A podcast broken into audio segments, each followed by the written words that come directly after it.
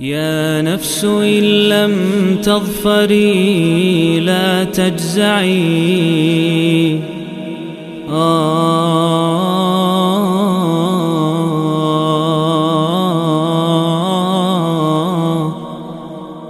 Bismillah, walhamdulillah, wassalatu wassalamu ala rasulillahi amma ba'd Masih bersama program 114 hari Mengarungi surat demi surat dari Al-Quran Demi menyambut bulan Ramadan. Dan hari ini kita akan mengkaji surat Al-Furqan Surat yang ke-25 Al-Furqan artinya pembeda. Nah, eh, Allah Subhanahu wa taala di surat ini dan alasan penyebutan surat ini dengan nama surat Al-Furqan memang karena Allah mengawali surat dengan berfirman Tabarakalladzi nazzala al-furqana ala 'abdihi liyakuna lil'alamin nadhira Ya, menyebut Al-Quran dengan nama Al-Furqan. Dan memang Al-Furqan salah satu nama lain Al-Quran. Ya disebut Al-Quran dengan Al-Furqan sebab kata Al-Furqan dari kata-kata farroko artinya membedakan. Dan Al-Quran membedakan distinguish ya antara hak dan batil. Antara ketaatan dengan kemaksiatan. Antara kemusyrikan dengan tauhid. Antara kebaikan dengan keburukan. Seperti itu. Surat ini surat Makiyah turun setelah surat Yasin sebelum surat Fatir. Terdiri dari 77 ayat. Surat ini tema besarnya adalah fungsi Al-Quran sebagai pembeda antara hak dan batil.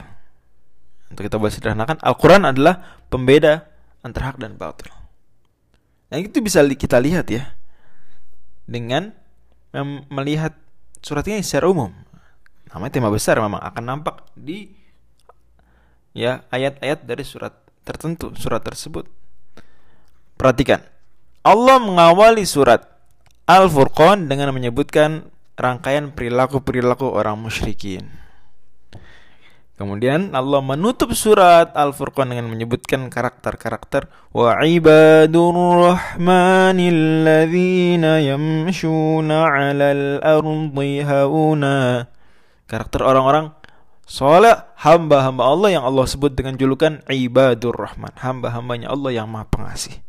Masya Allah anda bisa lihat betapa beda total antara awal surat karakter yang disebutkan di awal surat dengan karakter yang Allah sebutkan di akhir surat. Benar, inilah Al-Furqan, Al-Quran, pembeda hak dan batil. Dan kalau kita uh, lihat ya ayat-ayat yang lain, poin-poin tema tema yang menjadi bahasan dari surat ini memang akan berkisar dalam topik bahwa Al-Quran membedakan hak dan batil. Allah Subhanahu wa taala sebutkan juga di awal surat bahwa Al-Qur'an ini pertama benar-benar dari Allah. Satu Al-Qur'annya. Kemudian Allah sebutkan ya ayat 7 sampai 10 bahwa Nabi Muhammad sebagai sosok yang membacakan Al-Qur'an pada kalian memang beliaulah yang layak menjadi nabi akhir zaman. Kemudian Allah sebutkan di ayat 11 dan seterusnya sampai ayat 29 bagaimana kesudahan orang-orang musyrik, orang-orang mengingkari Al-Qur'an.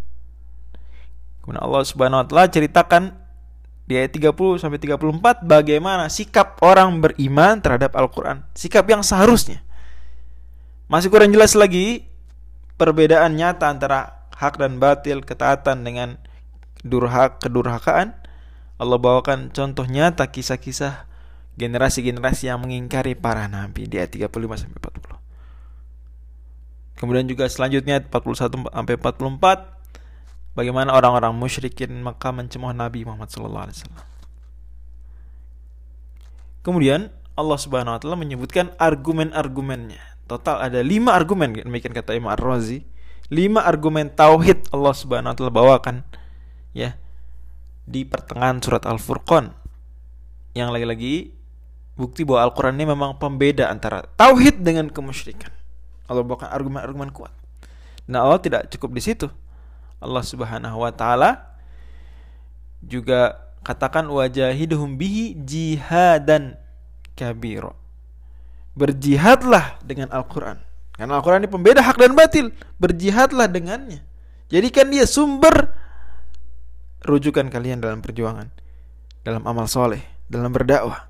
Tidak hanya itu, Al-Quran sendiri memang juga tadi sudah disebutkan di awal surat adalah uh, sebagai pembeda kebenaran dan kebatilan.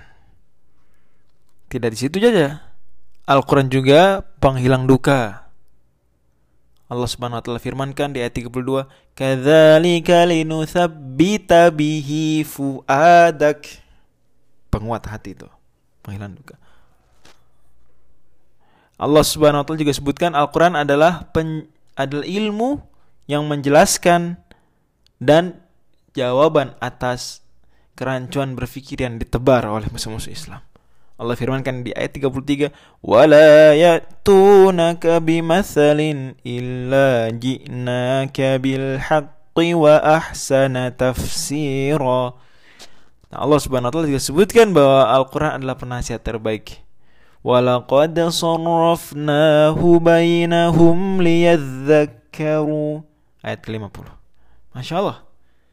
Dan surat uh, Al-Furqan menyebutkan uh, bahwasanya Al-Quran itu seharusnya tidak ditinggalkan, tidak diabaikan.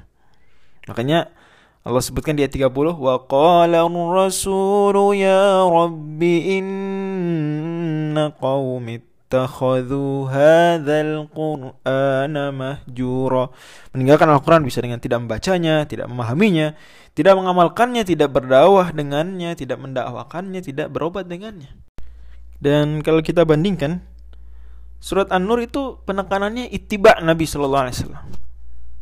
Sementara kalau di surah Al-Furqan penekanannya adalah memahami dan mengikuti ajaran Al-Quran.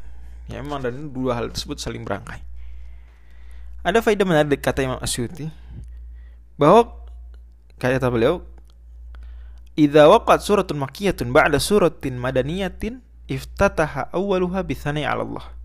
Kalau ada surat makkiyah posisinya setelah surat madaniyah maka Mestilah kata beliau surat makiyah tersebut diawali dengan memuji Allah. Contohnya Al-Maidah dengan Al-An'am. Anda lihat saja. Awal Al-An'am memuji Allah. Alhamdulillahilladzi khalaqa samawati wal ard dan seterusnya. An-Nahl dan Al-Isra, Al-Ahzab, Saba, Al-Waqiah, Al-Hadid, At-Tahrim, Al-Mulk dan juga surat kita ini An-Nur, Al-Furqan, wallahu a'lam